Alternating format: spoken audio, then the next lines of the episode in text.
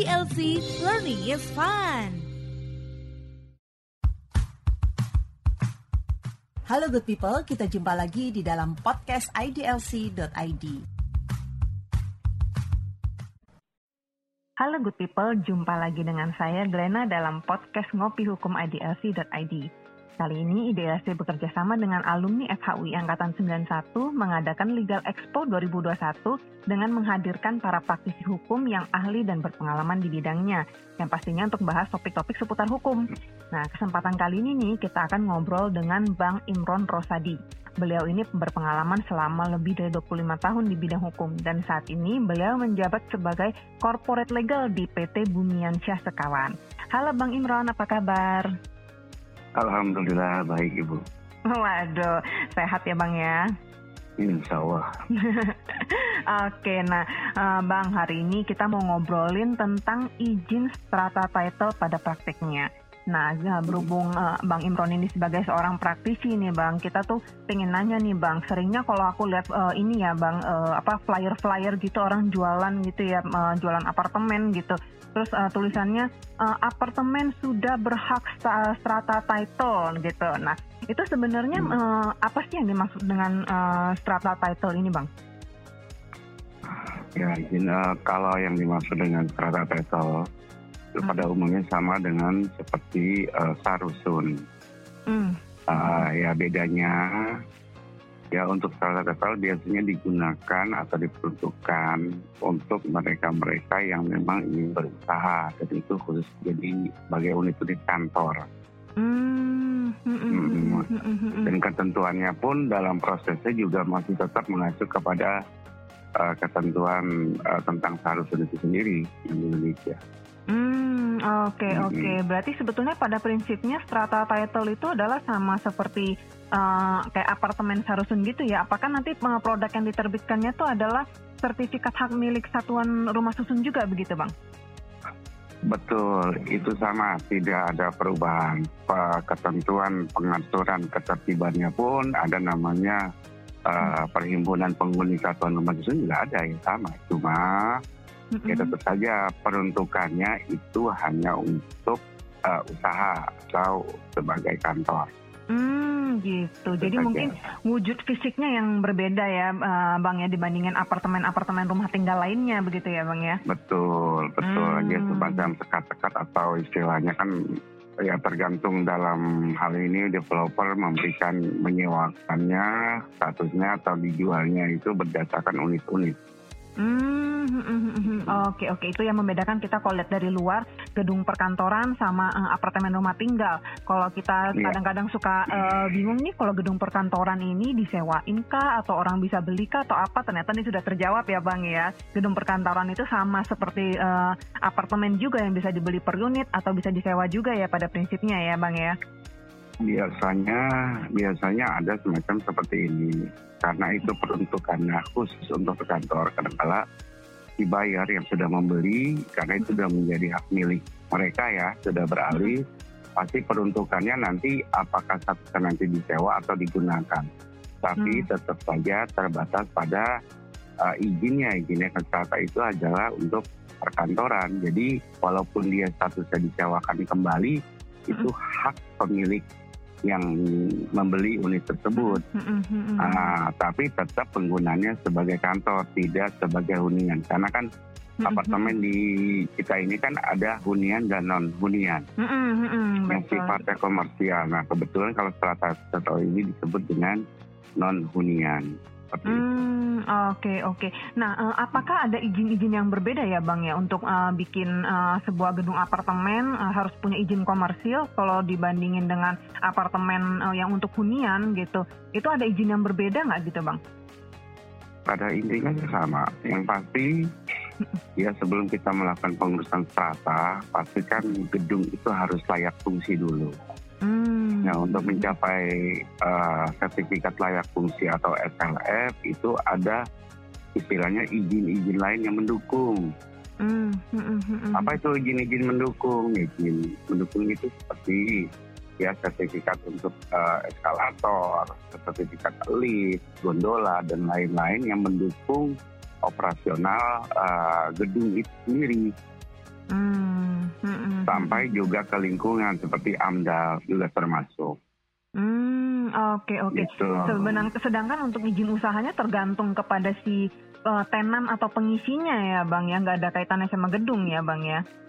Betul, betul. Kalau dia mau intinya itu adalah unit usaha apa pun nanti bentuk kegiatan usahanya, ya pasti kan itu ke kewenangan atau hak mereka. Tapi ya tetap dalam PPRS biasanya kan atau zona kita di sini kan ada zona harus gedung apa yang harus dilepas. Tapi kan perkantoran, office Hmm. semua, tidak sebagai gudang.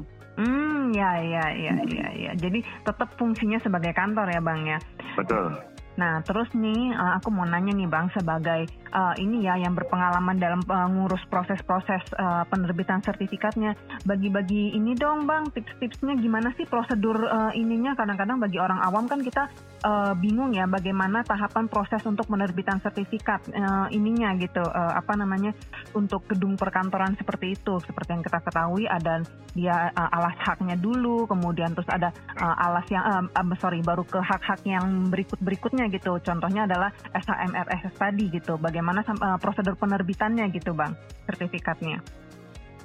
Kalau melihat dari prosedur atau tahap-tahap pelaksanaannya, yang pasti ya sebelum kita mengajukan untuk pengurusan strata total pasti mengenai gedungnya itu sendiri.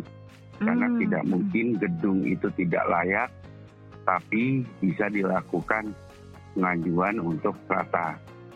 Hmm. Nah, untuk kelayakan itu pun ya istilahnya pada saat seperti ini memang sangat sangat ketat karena Hmm. ada beberapa instansi khususnya dari Cipta Karya akan mengecek dari sisi teknisnya Hmm. Hmm, hmm, seperti hmm, itu apakah sudah layak dan sudah mendapat sertifikasi atas eh, fungsi-fungsi daripada gedung itu sendiri.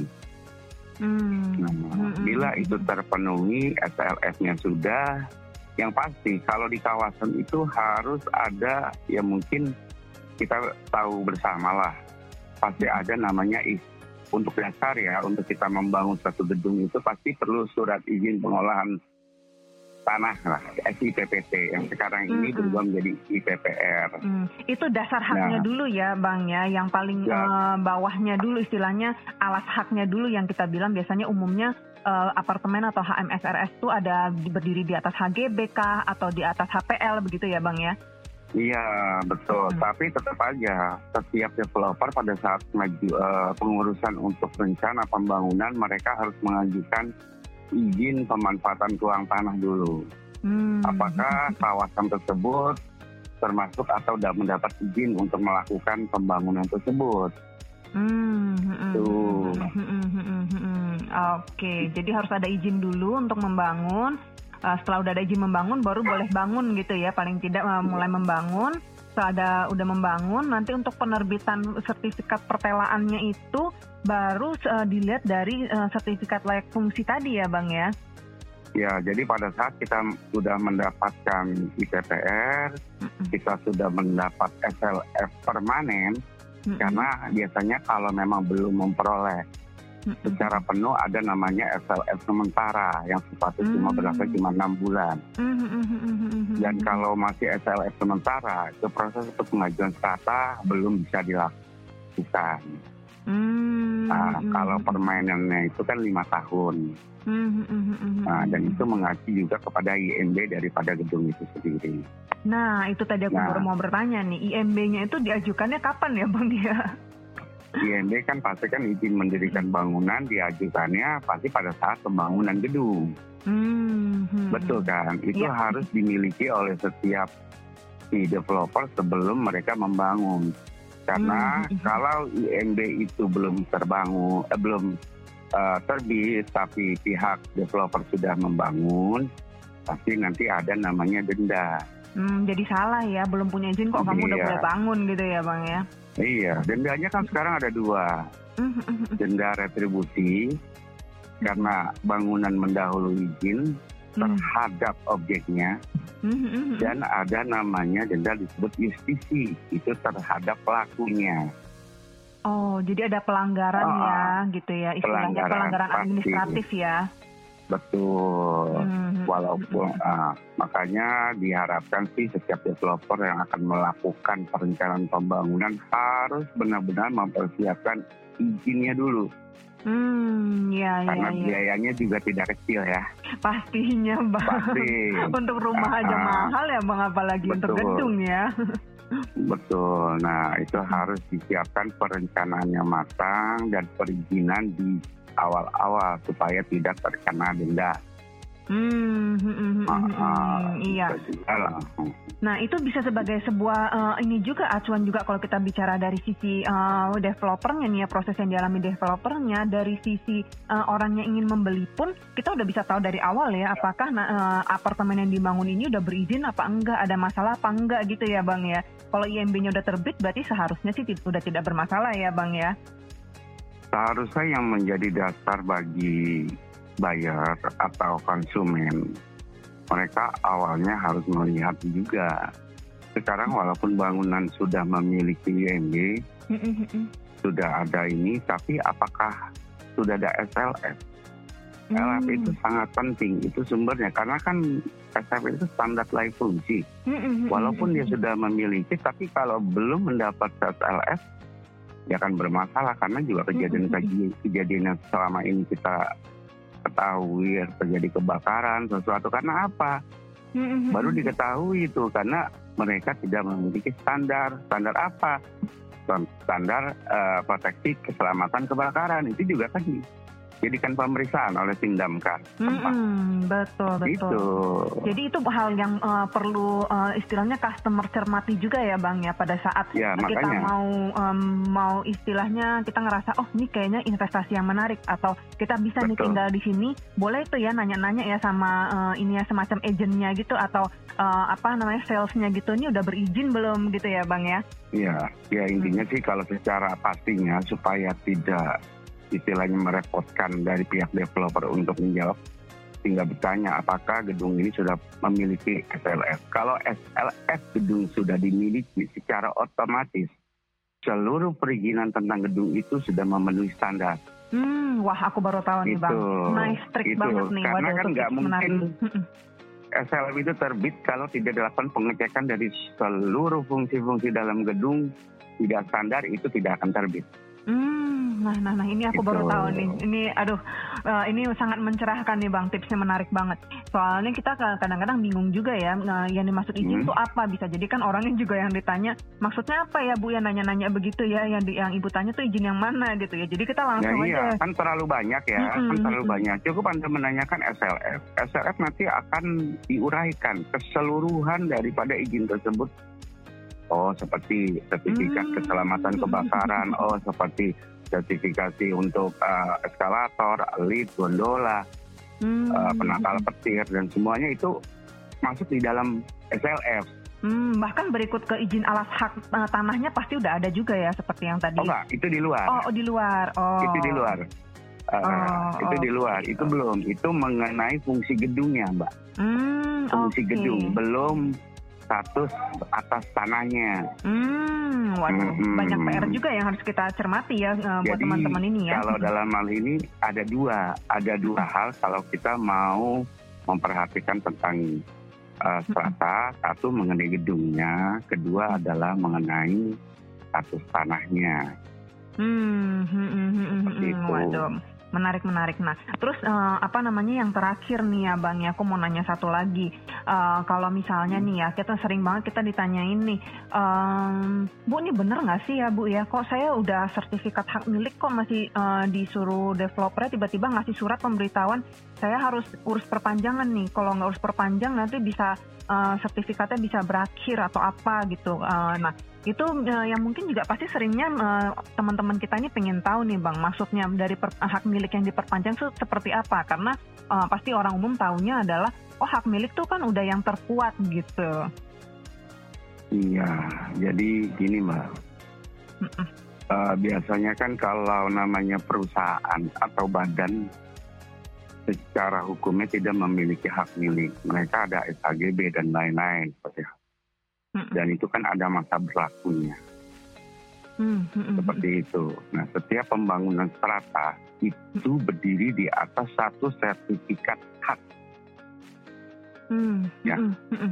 satu sertifikat hak dan tidak bisa terpisah-pisahkan. Karena sertifikat itu akan menjadi sertifikat induk yang nanti setelah SK strata petal itu keluar proses pengajuan pecah sertifikat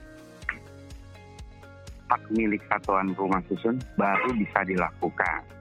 Hmm, Ah, ah, nah. hmm, hmm. Bentuk izin atau eh, strata itu adalah berdasarkan SK gubernur.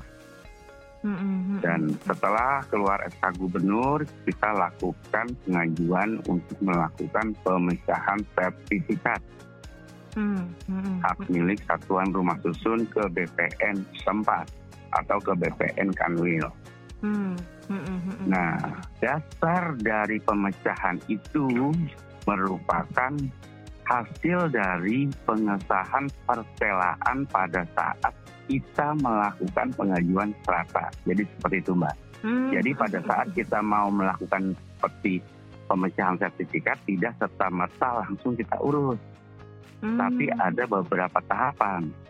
Satu, kita melakukan pengajuan pengesahan strata, eh, pertelaan atas gedung tersebut.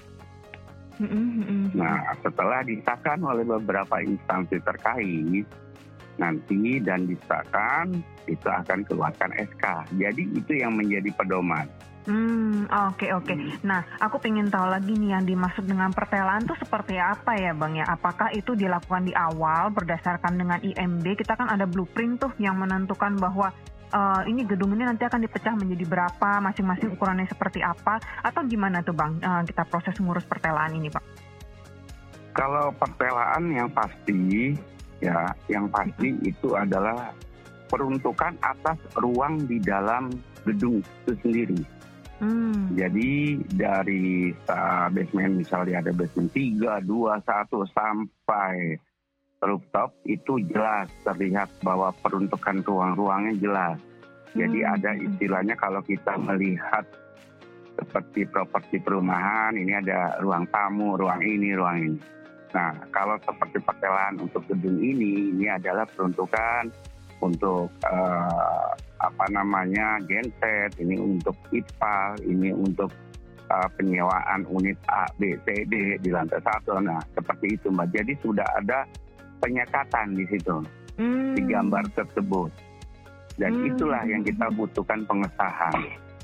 Oh, jadi udah s- Begitu. disesuaikan dengan kondisi real juga gitu ya, Bang ya? Betul, harus di ini kan disesuaikan. Jadi nggak mungkin istilahnya eh, pengesahan itu dilakukan serta merta pasti ada survei sebelumnya dari dua instansi. Itu Hmm. adalah Cipta, Cipta Karya sama BPN. Hmm. gitu. Jangan sampai hak atas tanah tersebut berhimpitan atau bertumpang tindih dengan hak tetangganya, misalkan seperti itu. Hmm. Batas-batasnya harus jelas. Hmm, hmm, hmm, hmm, hmm, Iya, Ya. Itu Seperti baru itu, kemudian Mas. nanti eh, apa jadi dasar juga untuk penerbitan PBB-nya ya, karena kan eh, pembayaran PBB-nya kontribusi bersama ya, Bang ya, atas eh, Iya. seperti konsep tadi itu tanah eh, apa yang dimiliki pertelaan di atas itu adalah melekat kepada bagian di bawahnya gitu ya, Bang ya. Berarti Betul. secara otomatis si pemilik HMSRS itu sebetulnya memiliki juga gempilan atau sebagian dari tanah alasnya begitu ya, Bang ya. Betul, jadi kan kalau di strata tetel atau di salusin ada namanya bagian bersama, Mm-mm. bersama, ini bersama. Jadi Hmm. kepemilikannya itu atas kebersamaan di antara mereka. Dan Hmm. besarnya, besarnya kepemilikan kebersamaan itu, itu kalau dibilang ada istilahnya persentasenya NPPO Hmm. sejauh mana sih? gitu. Hmm, hmm, hmm, hmm, hmm, betul betul. Jadi wah ini eh, jelas banget nih penjelasan dari Bang Imron nih. Jadi buat teman-teman yang selalu bertanya kenapa hak milik harus diperpanjang juga harus diingat bahwa HMSRS itu adalah pemilikan tanah yang lain daripada hak milik tanah eh, primer gitu ya Bang ya. Karena dia Iya. berdiri di atas eh, hak lain. Jadi otomatis dia Betul. adalah eh, sebetulnya eh, ininya ya kalau bisa kita katakan itu adalah aksesoarnya begitu ya Bang ya. Jadi Betul. Uh, itu dia mm, ada sepanjang si hak di bawahnya itu masih ada ya bang ya. Kalau hak di bawahnya nggak Iya. diperpanjang, ya otomatis ya oh, induknya aja nggak ada, gimana anaknya bisa ada gitu ya bang ya. Betul, jadi yang diperpanjang itu HGB-nya, Mbak, gitu loh. Hmm. Cuma kan biasanya dari BPN meng- mengumpulkan dulu, ya, eh, misalnya developer nih mau memperpanjang atau Hmm. melakukan eh, perpanjangan HGB, sebaiknya ya sebelum eh, dilakukan pemisahan akan lebih mudah. Gitu. Hmm, jadi masih eh, cukup si developernya sendiri ya pada saat udah terpecah-pecah, Iya. otomatis harus izin dengan seluruh pemilik gedung ya bang ya. Ya kalau izin sih tidak, tapi kan kita akan mengumpulkan kembali Hmm, hmm. HGB-nya, eh, SHM SR-nya tersebut. Hmm, gitu loh hmm, kan akan membuat penghuni jadi merasa repot ini seharusnya kan tidak seperti itu Betul yang pastinya Gitu. adalah komplain biaya bang itu.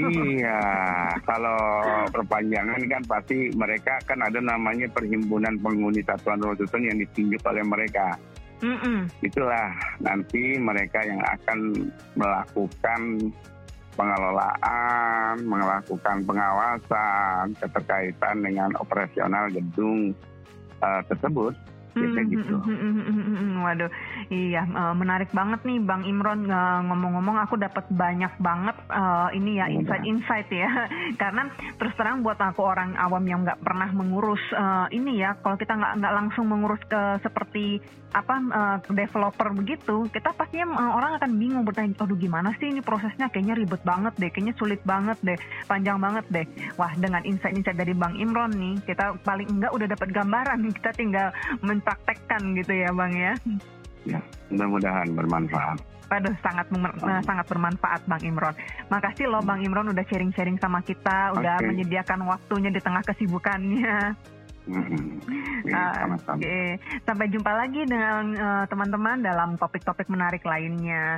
Makasih Bang Imron, bye-bye.